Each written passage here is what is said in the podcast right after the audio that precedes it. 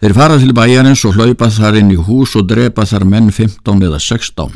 Sumir komist undan af hlaupum. Þeir reyndu þar öllu fjö en spiltu því er þeir máttu eigi með fara. Þeir ráku búfja til strandar og hjöggu, bára á bátinn sem hann tók við, fóru síðan leið sína og réru út um eigasund. Egil var nú allra reyður svo að það mátti ekki við hann mæla, satt hann við stýri á bátnum. Og er þeir sóttu út á fjörðin til herlu, Þá réru utan í móti þeim Röggvaldur Konungsson og þeir drettun saman á karfanum þeim hinnum steinda. Þeir höfðu þá spurt að skip Egilslá í herluveri, ætluðu þeir að gera önundi njósnum ferðir Egils og er Egils á skipið þá kendi hann þegar. Hann styrði sem beinast á þá og er skipin rendu stað þá kom barðskútunar á tinnung karfans. Hallaði honum svo að sjór fjallinn á annað borðið og fylti skipið. Egil hljópt þá upp á skipið og greip tessina Hétt á menn sína þeir skildu engan láta með lífi og brott komast þannig á karfanum var. Það var þá hegt því að þar var þá engi vörn. Voru allir þeir á karfanum drefnir en engin komst undan. Letust þeir þar drettán Röggvaldur og förnautar hans. Þeir eigillir eru þá inn til eigarinnar herlu þá hvað eigil vísum. Börðum gvér nýja verðag vígliptur svona heptir, blóðöksar rauð blóði, böðmildr og gunnhildar. Þar fjallun og þollar þrettán lagar mána sendur af styrjar skyndi starf á einum karfa. Og er þeir eigil kom til herlu þá runnu þeir þegar upp til bæjar með alvæpni. En er það sá þórir og hans heimamenn þá runnu þeir þegar af bænum og forðuðu sér allir þeir ganga máttu karlar og konur.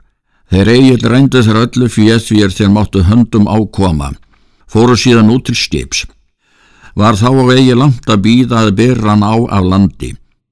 Búast þeir til að sigla og er þeir voru seglbúnir, gekk eigil upp í eina. Hann tók í hönd sér heslistung og gekk á bergsnös nokkura, þá eru vissi til lands inn. Þá tók hann hrosshöfuð og setti upp á stöngina.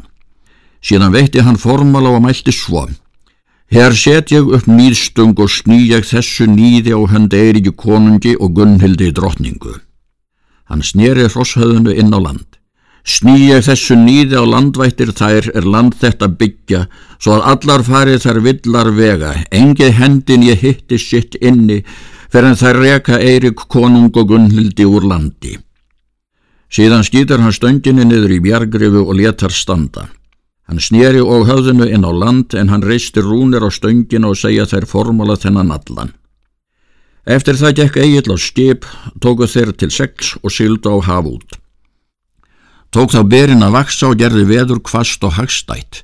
Gekk þá skipið mikið, þá hvað eigill.